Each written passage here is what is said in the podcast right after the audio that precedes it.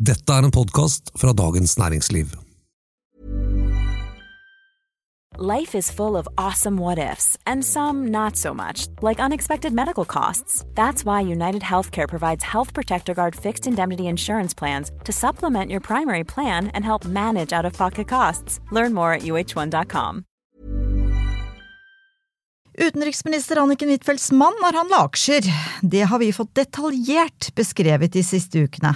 Men hva slags informasjon er det han egentlig har handla aksjer på? Er det informasjon han har hørt over kjøkkenbordet, eller er det kvantitative mønstre i teknisk analyse? Vi er jo ikke synske, så vi skal jo ikke si noe om eh, noen fasitløsning på det der, men vi kan si noe om hva teknisk analyse og innsidehandel er. Så det skal vi snakke om i ukens episode av Finansredaksjonen, en podkast som lages av oss her i DN. Jeg heter Anita Hoemsnes og er kommentator i DN. Og jeg heter Terje Erikstad og er finansredaktør. Og jeg heter Tor Kristian Jensen og skriver om aksjer.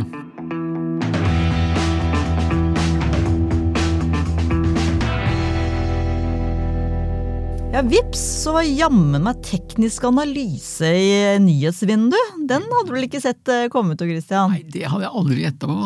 Og jeg er jo nesten synsk. Ja, stemmer det var deg, det, ja. Men hva er, ok, hvis vi begynner helt på scratch, hva er teknisk analyse? Ja, teknisk analyse, det er eh, Du var jo inne på dette med sånne kvantitative mønstre. altså Det er rett og slett eh, mønstergjenkjenning.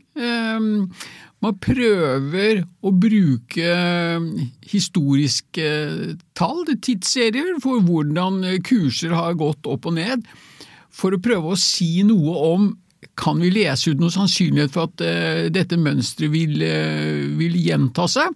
Og jeg må starte med å si at Jeg er altså ikke noen ekspert på teknisk analyse, men jeg har jo skrevet en, en del om det og satt meg litt inn i det. og det er noen sånne nøkkelbegreper, og det er en ting som er for veldig veldig mye brukt, er eh, det som heter eh, moving average. Altså man må lagre et gjennomsnitt som, eh, som, som flytter seg. Altså du, du, får inn nye tall, og så får du et gjennomsnitt.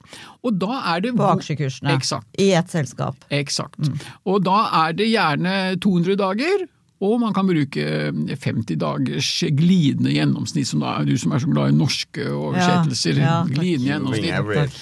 Eksakt. Eh, og, og, da bruker man disse, og Hvis da den nåværende aksjekursen, altså dagens aksjekurs, er høyere for eksempel, enn 200 dagers glidende gjennomsnitt, så er det som oftest et godt tegn. og Hvis den er under, så er det ikke et veldig godt tegn. for da er det, De sier på engelsk da, 'terrible things happen under 200 MA', moving average.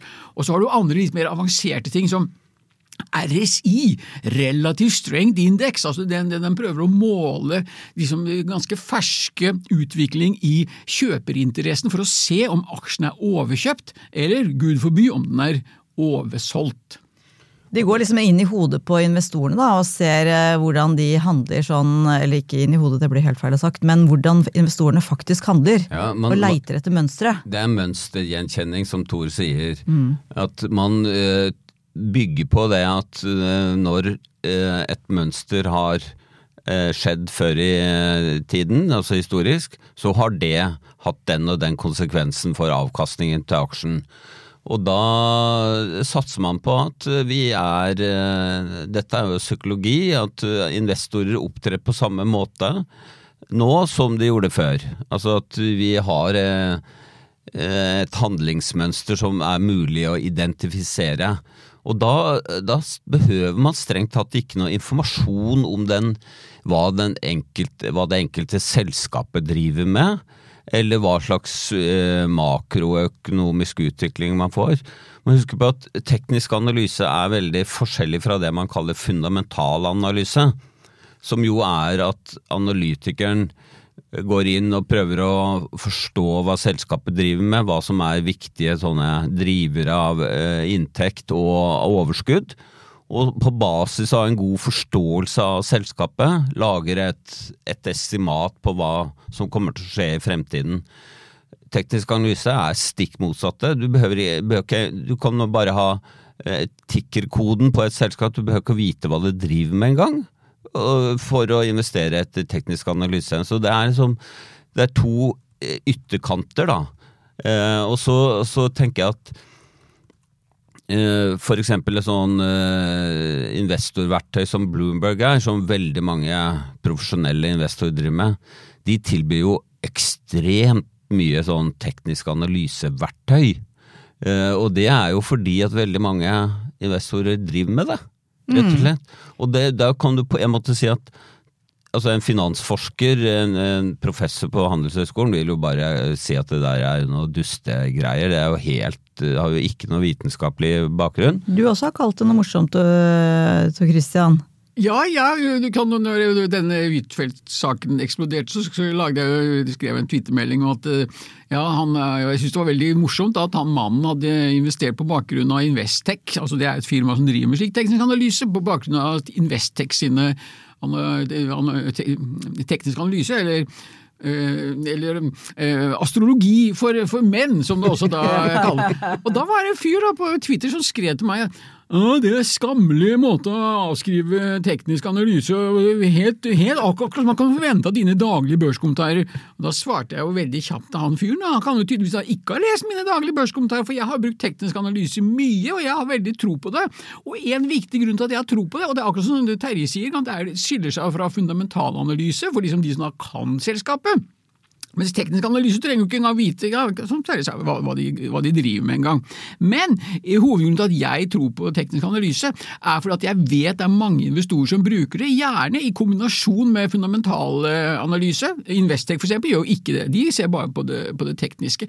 Men nettopp det at du vet det er så mange som benytter det, det forteller meg ok, da blir jo den effekten priset inn i markedet. Så la oss si for eksempel at aksjen da faller under 200 dagers glidende gjennomsnitt så vil mange komme litt mer på tå hev, bli litt mer nervøse, og kanskje at de er lettere til å, da, å selge aksjen og presse kursen eh, ytterligere ned. Så at det finnes ikke psykologiske mekanismer i aksjemarkedet, det kan for alle som har vært mer enn to minutter i aksjemarkedet, ser jo at det er mye psykologi i prisingen. Ja.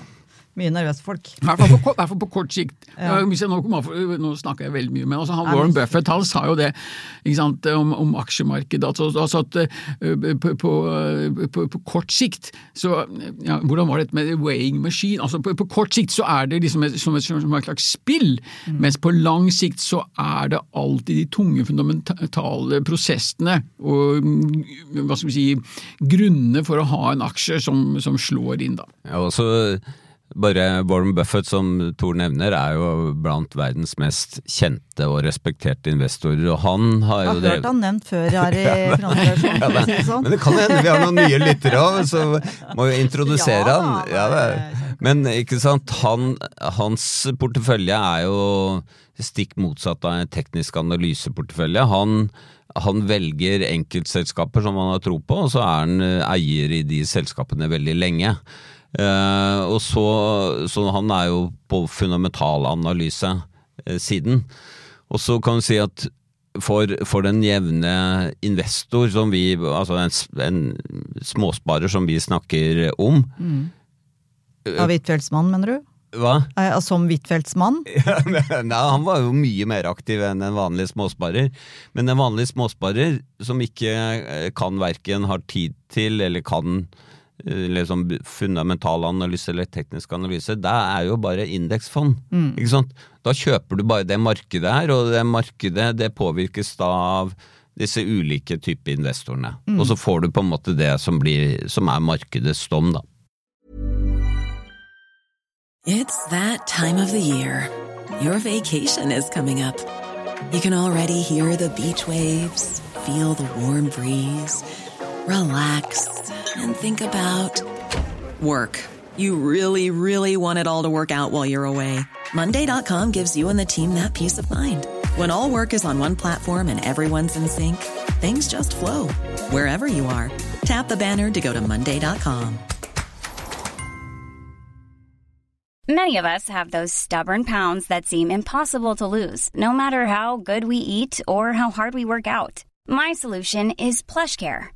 PlushCare is a leading telehealth provider with doctors who are there for you day and night to partner with you in your weight loss journey. They can prescribe FDA-approved weight loss medications like Wagovi and Zepbound for those who qualify. Plus, they accept most insurance plans. To get started, visit plushcare.com slash weight loss. That's plushcare.com slash weight loss. Hey, it's Ryan Reynolds, and I'm here with Keith, co star of my upcoming film, If, only in theaters, May 17th. Do you want to tell people the big news?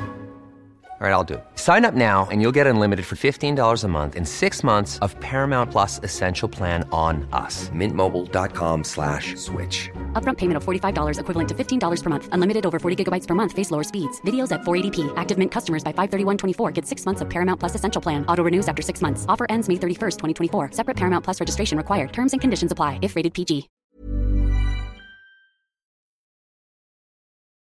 Men det som er liksom en, en viktig ingrediens i den Huitfeldt-saken, er jo nettopp det at hun sa at han stort sett handlet på bakgrunn av denne modellporteføljen til Investec, da. Som er litt sånn at de anbefaler nå er disse aksjene overkjøpt, og nå er disse oversolgt, og så skal man liksom bytte porteføljen etter det. Men så viser det seg jo det så, så jo, Bare for å fullføre det resonnementet. Så dermed, når det kun handler på dette tekniske, så betyr det ikke noen ting. Da kunne Anniken Huitfeldt liksom dansa jenka og synge at Kongsberg Gruppen kommer til å få milliarder, uten at han ville Han ville bare liksom ikke hørt på det engang. Fordi den tekniske analysen viste at mm. den uh, aksjen er ikke Skal ikke kjøpes nå. Nettopp. Ja, det var jo, Hvis han bare hadde gjort det, så, så betyr ikke informasjon, uh, informasjon noe, er det ikke sånn? Jo, det er helt riktig, det. Ikke sant? En, uh, Investec, som jo er et selskap som publiserer uh, sine råd også i DN, uh, der, er, der, der er det jo sånn at en aksje kommer inn eller går ut basert på disse tekniske signalene. Og de, man vet jo ikke hvilke signaler det er før de oppstår, ikke sant. Og de, de, oppstår jo av en eller annen grunn, men man behøver ikke å vite noe om det. Det er bare når de oppstår at man da får et kjøps- eller salgssignal. Og derfor så kunne det være liksom en veldig sånn enkel forklaring på at her var det ikke noe problem. Men nå viser jo vår undersøkelse, altså DN har gått gjennom alle handlene som er offentliggjort, at flertallet av handlene i volum ikke var basert på Investex eh, aksje- eller modellportefølje. Og enda større andel hvis man ser på verdien av kjøpene og salgene. Da. Så, så det stemmer jo ikke at han i hovedsak har basert seg på teknisk analyse. Og da kommer vi til det andre, ikke sant. At uh, når, du da ikke, når uh, så mye av handelen da ikke er basert på teknisk analyse, men på hva han selv synes er en god idé, om det er å kjøpe eller selge den og den aksjen, så kommer informasjonen inn som et veldig viktig uh, liksom, beslutningsinstrument, kan man si. Det kan man si. For da er det avgjørende hva du, hva du tror om et selskap, om det kommer gode nyheter eller dårlige nyheter. Og det er jo da problematikken oppstår som er veldig krevende, nemlig at Anniken Huitfeldt som utenriksminister får informasjon som ikke er kjent i markedet. Mm, og da, for Først må du bare definere hva er det som er innsidehandel. Ja, altså det, det, Vi snakker om to typer innsidehandel. Innsidehandel sånn helt enkelt er når, en, når sjefen kjøper eller selger aksjer. Da meldes det på børsen, og så er det liksom helt standard innsidehandel. Men ulovlig innsidehandel, det er eh, fire kriterier som gjør, eh, gjør noe til ulovlig innsidehandel. For det første må det være presise opplysninger. Ja, type Kongsberg Gruppen fikk i går en kontrakt på 16 milliarder. Du tok poenget mitt allerede Unnskyld. før. Du veit jeg er utålmodig. Nå skal jeg roe meg ned. Ja, det er veldig bra. De må være presise, eh, og de må ikke være offentliggjort. Og de må handle om eh, Være liksom knytta til en bestemt eh, aksje, f.eks. et selskap som du nevnte, Kongsberg Gruppen, helt tilfeldig. Og så det fjerde er at når de kriteriene er oppfylt, så må det også være sånn at en fornuftig investor ville ha handlet med bakgrunn i den informasjonen. Altså det må være kunne være ha en merkbar innflytelse på kursen. Og du dro jo det perfekte eksempelet. Det kom jo i går, tirsdag, vi spiller inn på onsdag, at Kongsberg Gruppen hadde, fikk sin største kontrakt, noe, enkeltkontrakt noensinne eh, militær eh, kontrakt med Polen. Eh, I forkant av at den ordren eller den kontrakten ble offentliggjort, så ble handelen i Kongsberg Gruppen pauset, som det heter, på Oslo Børs. Sånn at alle visste at nå kom det en melding fra selskapet. Så kommer meldingen, og så går jo kursen rett i været. Fra 4,55 til 4,90 eh, kroner.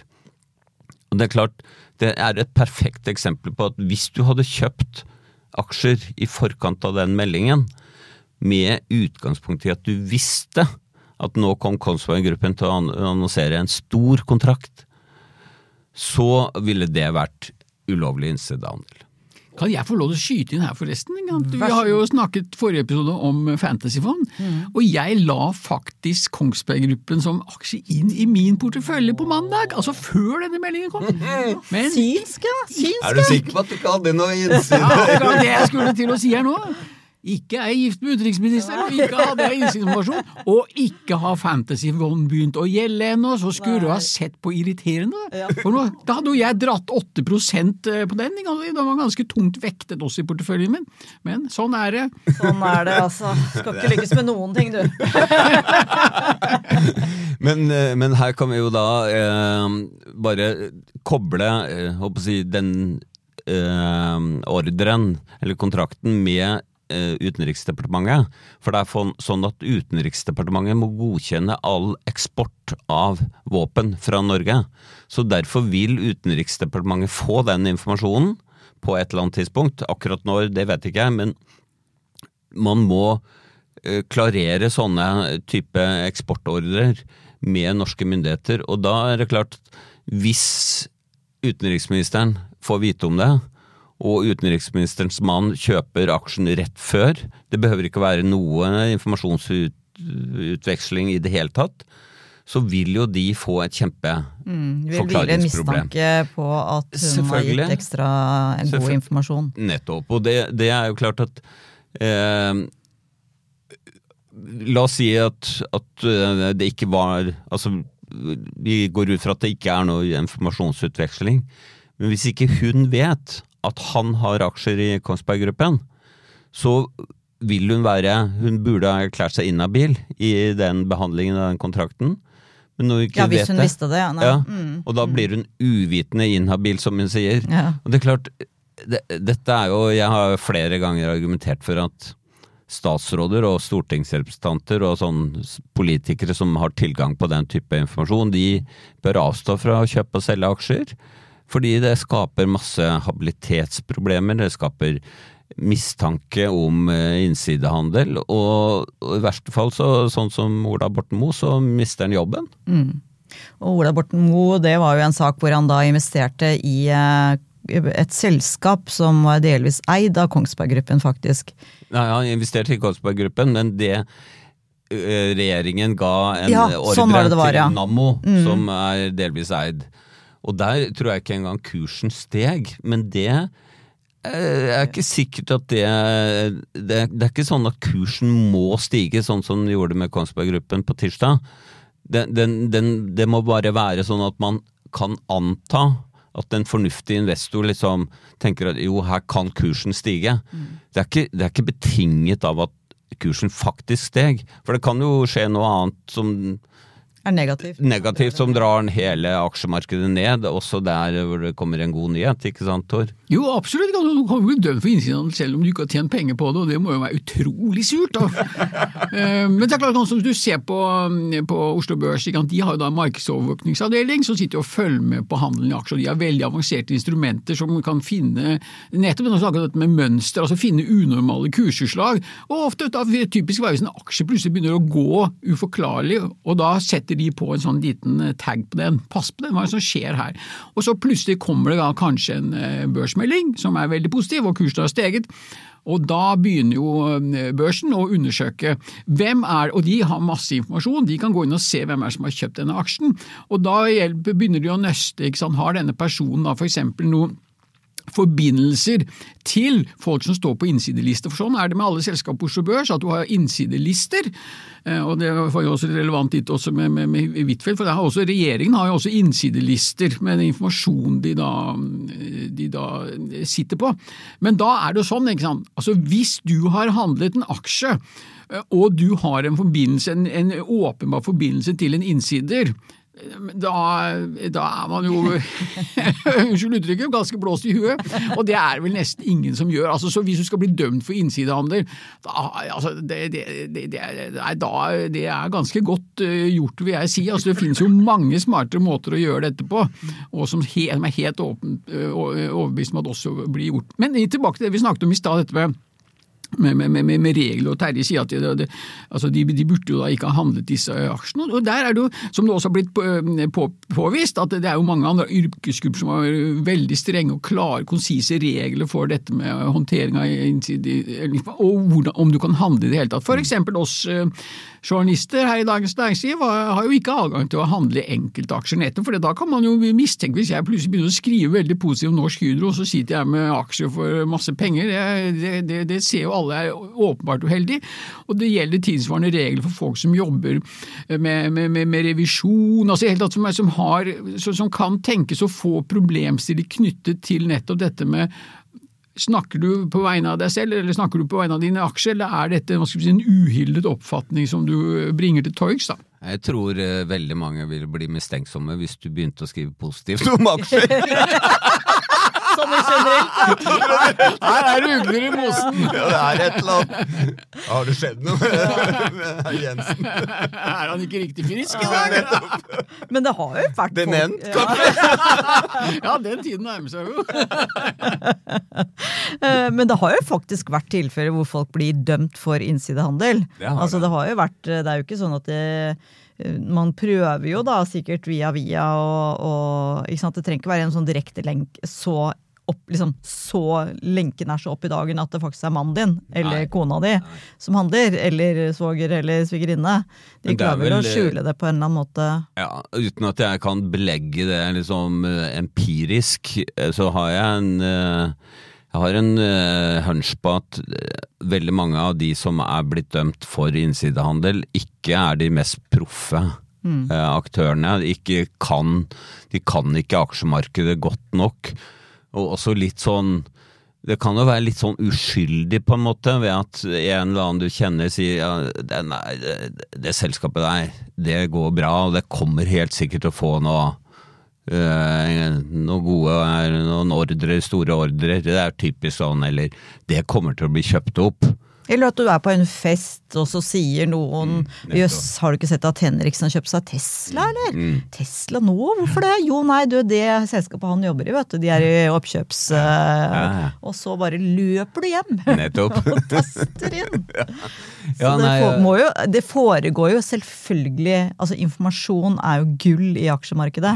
Så det å, å snappe opp litt her og litt der og legge sammen og trekke fra, det er klart at det foregår all the time. Ja, og så eh, har jo um, sagt at også stortingsrepresentanter bør være forsiktige og kanskje avstå fra å kjøpe og selge aksjer. Jeg har ment at de bør det.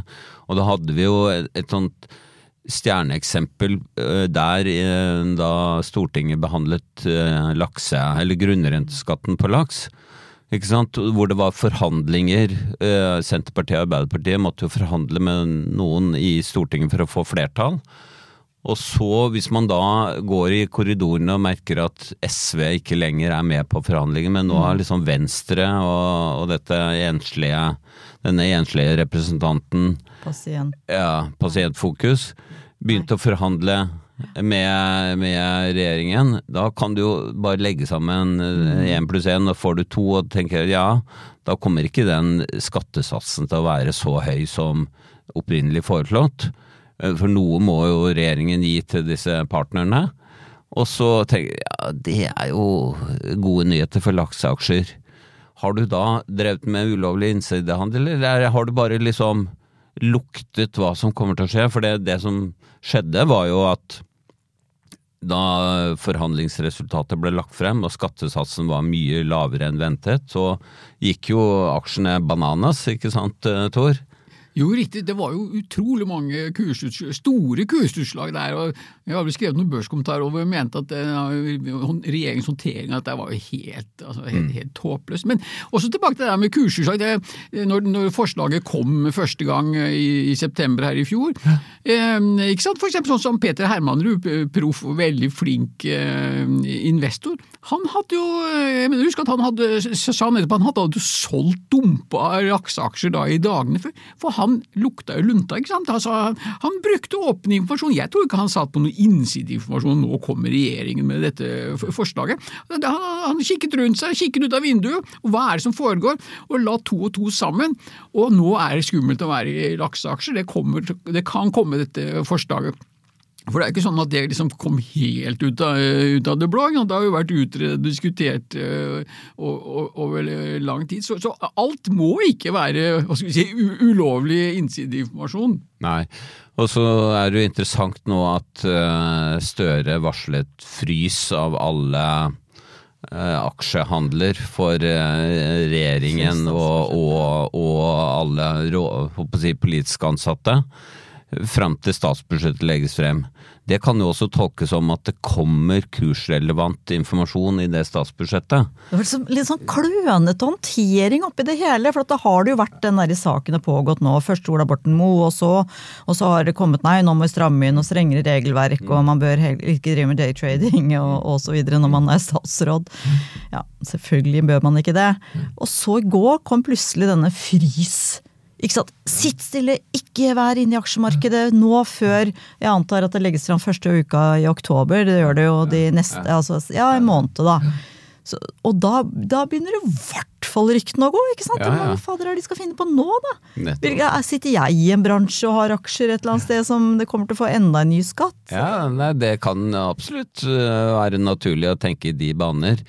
Og det illustrerer jo egentlig øh, problemet for øh, håper å si den type Altså politikere med den type øh, beslutninger. Ja, de, ideelt sett skal man være varsom, man skal ikke handle for mye osv. Men så fort du åpner for kjøp og salg, så oppstår det vanskelige situasjoner. Og mitt poeng med å være eh, med å foreslå at de skal ha avstå fra det, er jo ikke å straffe dem. Det er jo egentlig å sørge for at deres si, jobb blir enklere. At vi kan ha tillit til at de tar beslutninger, ikke på basis av hva, hvordan de driver og kjøper og selger aksjer, men på basis, på basis hva de mener er riktig. Og tillit er jo det viktigste eh, de, kapitalen de har. Det er mye viktigere enn enkeltaksjer.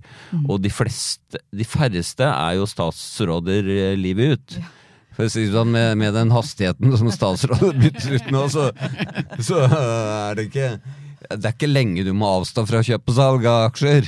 Eh, sånn at eh, og, og dessuten er det smartere finansielt for de fleste å bare spare i indeksfond. Ja, Det var jo interessant. Peter Warren eh, han er jo tidligere han storforvalter, eller forvalter. Han, han sa jo det at han skjønte ikke hva de holdt på med. De kunne jo heller ha drevet med, med basehopping. Han forsto ikke hvorfor de skulle drive på med noe. Sånn Terje sier, at eh, de, de færreste klarer uansett å slå eh, indeks, og det er bedre bare å kjøpe indeksfond. Men en annen interessant parallell er jo til, til USA. I? USA er jo andelen av aksjeinvestering blant folk. Der er det jo mye mer vanlig at holdt jeg på å si, vanlige folk, også er Arbeiderpartipolitikere, kjøper og selger aksjer. Og Der har det også vært en sånn sak med hun Nancy Pelosi. hun fra, for demokratene, talskvinne for demokratene. Og hun har jo kjøpt og solgt eh, verdipapirer, og det har jo blitt på Twitter, selvsagt. En sånn der, eh, masse sånne humorkontoer basert på hennes navn, da, hvor de eh, latterliggjør? Hvis, hvis de skal jobbe med et eller annet lovforslag, okay, så må du kjøpe eller selge den aksjen her. Og i i USA så er det vel da, sånn som jeg nå har skjønt gjeldende lovgivning, så, så kan amerikanske politikere, da, selv når de er involvert i prosessene, kjøpe og selge aksjer. Så lenge det er åpenhet rundt det. Er det ikke noe med det også? Altså, det har jo vært skandaler både blant politikerne på, i Kongressen, som Thor snakker om, men også eh, medlemmer av av de som har sittet i styret i amerikanske sentralbanken. Det er jo en par stykker der som som litt sånn behendig trakk seg, eh, litt sånn førtidspensjonerte seg etter at det ble avslørt at de brukte informasjonen sin til å handle i Det er ingenting som forundrer meg når det gjelder USA og hva hva man gjør for å karre til seg. Altså. Men det er, det, det er jo Jeg mener det er alvorlig for demokratiet.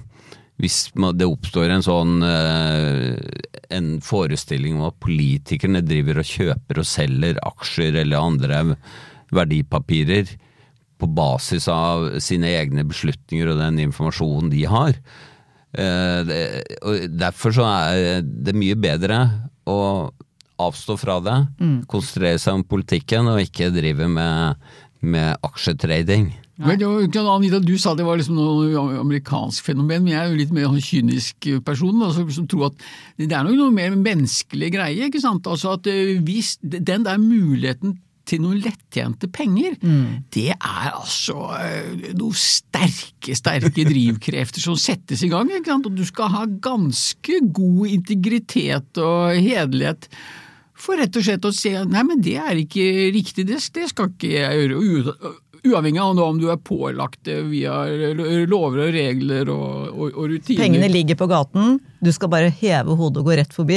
Det, det er nok de jeg, jeg skjønner hva du mener, det er nok mange som ikke klarer det. Ja, det tror jeg. Men det, apropos politikere der, det- det er en historie som jeg husker jeg leste var Gerhardsens, eh, Einar Gerhardsen, landsfaderen. Han hadde ikke kjøpt Kongsberg Gruppen. Nei, men, men eh, kona hadde mast og at de måtte jo få kjøpt seg en bil. Og Gerhardsen liksom ventet og ventet. eh, Sto i køa som alle andre, på en måte. Nei, fordi han, han visste at det kom en avgiftsøkning, så han ville ikke kjøpe rett før. Litt upresist, men, men det, dette er det jeg mener å huske fra den eh, selvbiografien hans. Ja, nei, men vet du hva, da har vi, og vi antyder jo overhodet ikke at Huitfeldts mann har eh, bedrevet noe som helst ulovlig innsidelhandel eller eh, gjort noe andre ulovligheter, bare så det er klart. Men uh, greit å få oppklart litt hva teknisk analyse er, og hva egentlig innsidehandel er. Så tusen takk for at du hørte på Finansredaksjonen denne uken. Vår produsent er Gunnar Bløndal. Ha det bra!